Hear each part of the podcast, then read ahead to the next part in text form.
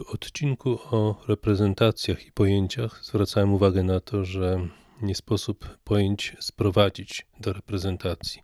Chociaż istnieją reprezentacje pojęciowe i pojęcia niewątpliwie pełnią ważną funkcję w poznawaniu świata, to jednak równie ważną funkcją jest ich wzajemne odnoszenie się i tworzenie spójnego uniwersum pojęciowego, gdzie relacje pomiędzy pojęciami są ważniejsze, bardziej istotne niż relacje pojęć do świata. Obie te strony naszej pojęciowości należałoby pogodzić w jakiejś rozsądnej, filozoficznej teorii pojęć, ale od tego jeszcze jesteśmy daleko. Na razie dominują pewne skrajności. Z jednej strony rozwija się bujnie kognitywistyka, która ma tę tendencję naturalizującą i podkreślającą rolę reprezentacji. Z drugiej strony pojęcia rozważa się od strony języka, od strony praktyk mowy.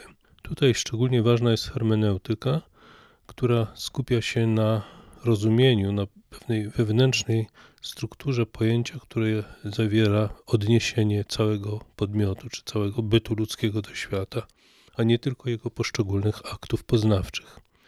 Taką całościową optykę y, zaproponował na przykład stosunkowo niedawno w książce wydanej w 2012 roku australijski filozof Andy Blunden.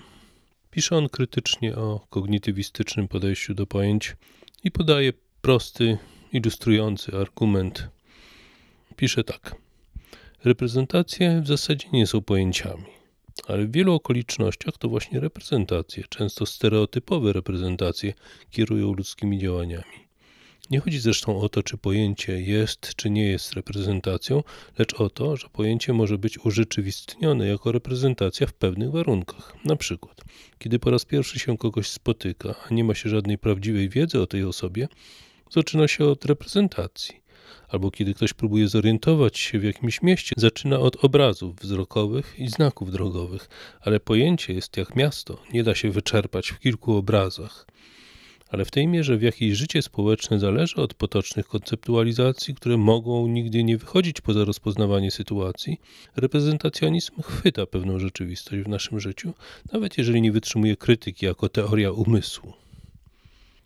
Ten fragment książki Blandena Concepts Critical Approach jest, jak się zaraz okaże, bardzo mocno inspirowany filozofią Georga Hegla Filozofią, która wychodzi niejako od najszerszego zarysu tego, czym pojęcie może być i jaką funkcję pełnić. Również dla Brandena pojęcie jest szerokim, treściowym ujęciem w pewnej sieci różnych treści danego przedmiotu, i nie da się wyczerpać w postaci reprezentacji, ponieważ reprezentacja zawsze związana jest z pewnym punktem widzenia albo funkcją, natomiast pojęcie zawiera ich bardzo wiele. Pojęcie jest zatem strukturą docelową, do której powinniśmy dążyć. Zyskać pojęcie to tyle, co rozumieć, mieć bogatą interpretację, wieloraką interpretację danego przedmiotu, zjawiska, procesu.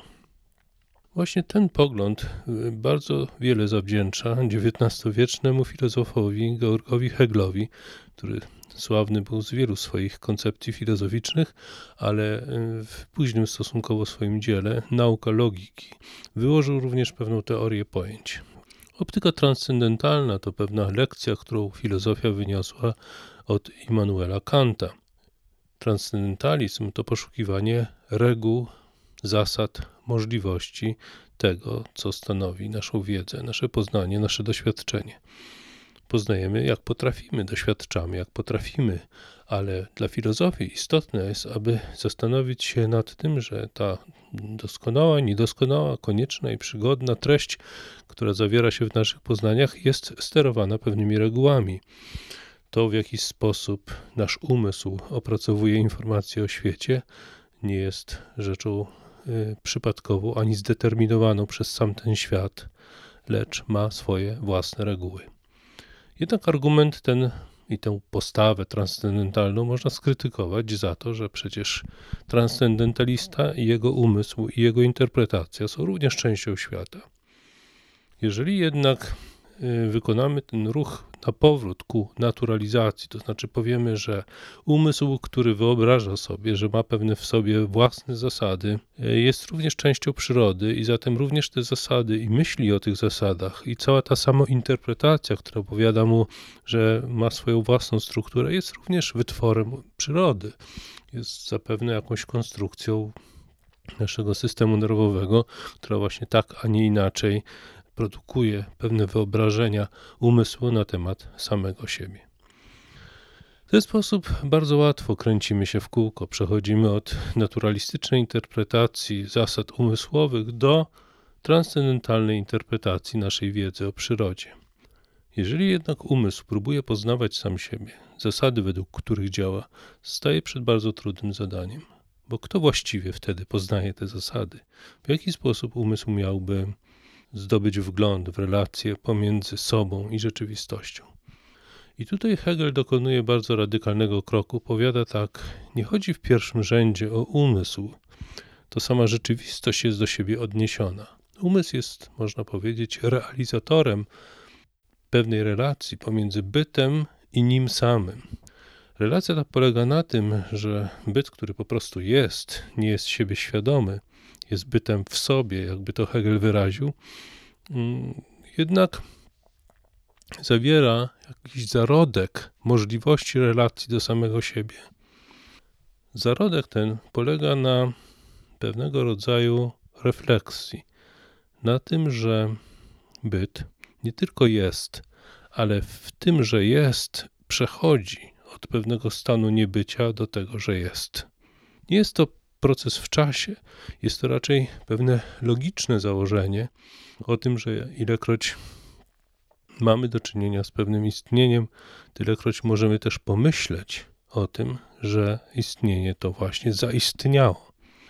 Jednak cały byt nie może zaistnieć z niczego innego, jak tylko właśnie z nicości. Ta nicość pojawia się jako punkt widzenia na byt cały. Byt, który chciałby siebie oglądać, chciałby być siebie świadomy, jakby to Hegel powiedział, chciałby być bytem nie tylko w sobie, ale również dla siebie, popada w tę pułapkę, że nie ma punktu widzenia w tym świecie, w którym mógłby siebie oglądać. W obrębie bytu nie ma punktu widzenia na byt. Więc ten stan, poczucie, które jakoś w bycie jest realizowane w postaci istot inteligentnych, nas samych, które w nim jesteśmy i jakoś zastanawiamy się nad tym bytem, więc powstaje w nas to poczucie, że byt mógłby się odnieść do siebie, ale tylko kosztem zanegowania samego siebie. Tym niemniej ta intuicja, że rzeczywistość jest pojmowalna zasadniczo. Jak to się dzieje? Czy dzieje się to przez ludzkie umysły, czy dzieje się to przez boski umysł, czy przez jakąś inną strukturę mm, inteligibilności tego świata? Tego nie wiemy, ale Hegel spekulował, że w każdym razie taka ogólna, nazywał ją logiczną, struktura bytu istnieje. Byt jest poznawalny, czy też zrozumiały, ale nie odbywa się to bez bardzo trudnego procesu uświadamiania sobie bytu przez, przez niego samego.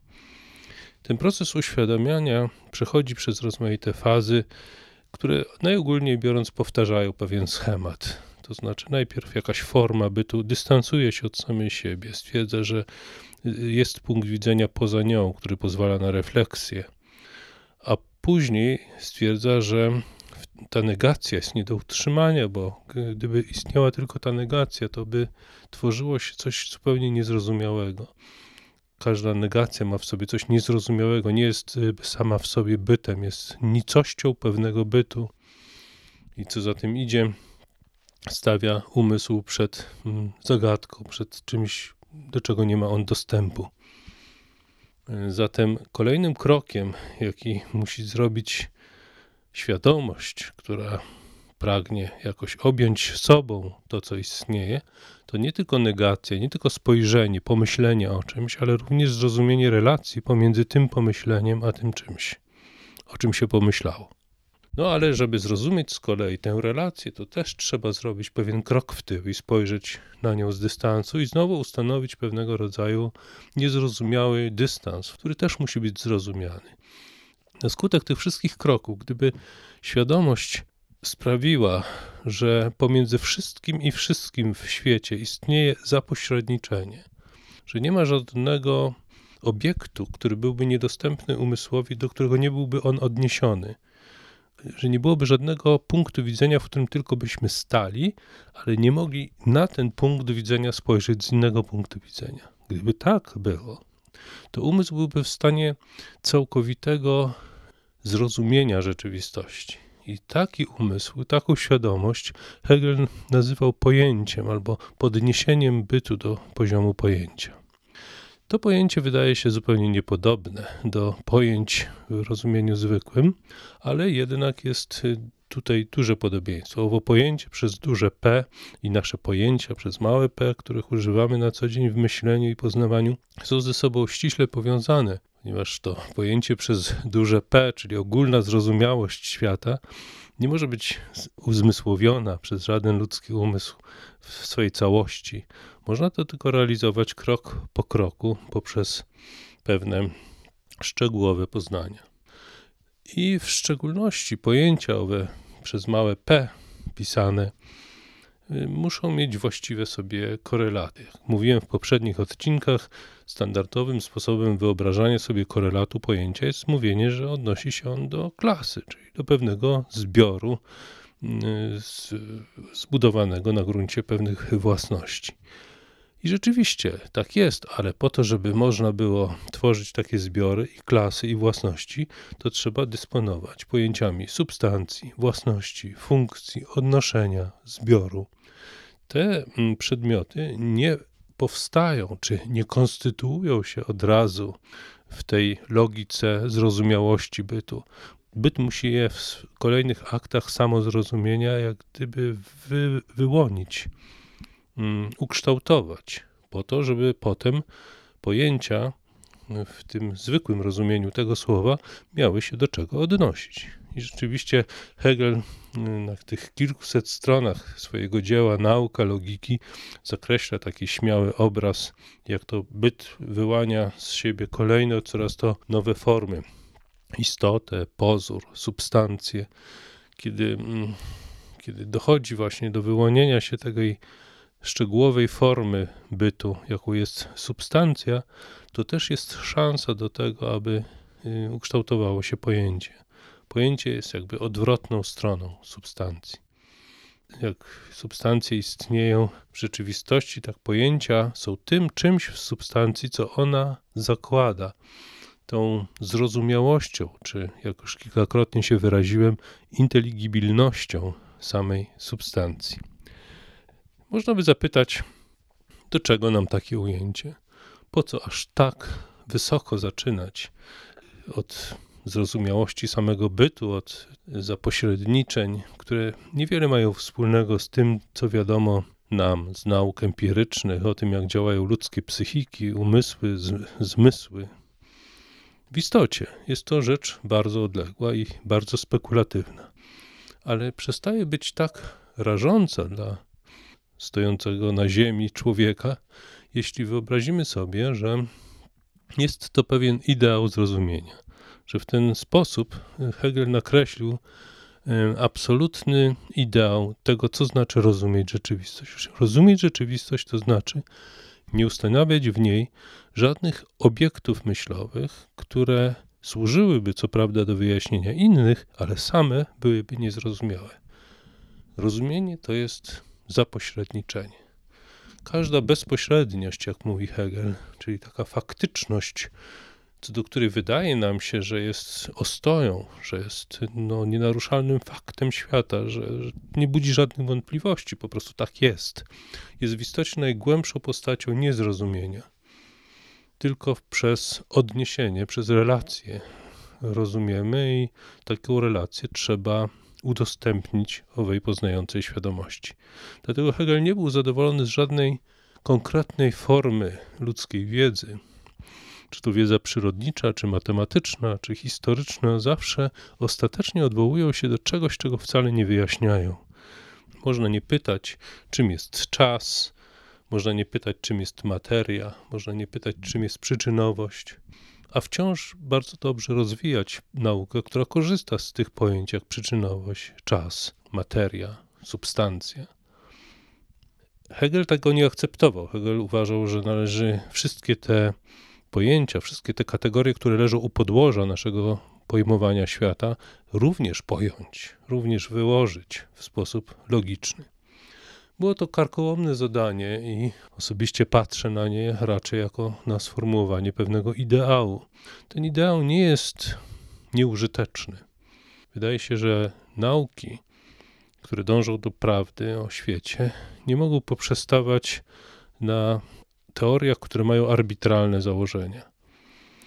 Że zawsze należy je poddać refleksji, wyłowić krytycznie tę arbitralność, postawić ją przed oczy jako pewne zadanie poznawcze. W danej fazie rozwoju nauki ta arbitralność może zupełnie nie przeszkadzać, ona nie psuje teorii, nie niweczy naszych wysiłków uchwytywania praw przyrody, ale z punktu widzenia rozumienia, czyli uchwycenia sposobu bycia rozumnego podmiotu w świecie, stanowi to wielką przeszkodę. Po prostu podmiot ten, choć wiele wie, ale czuje i wie również to, że czegoś nie rozumie a to jest bardzo trudne do zaakceptowania, kiedy już raz taki ideał rozumienia został sformułowany.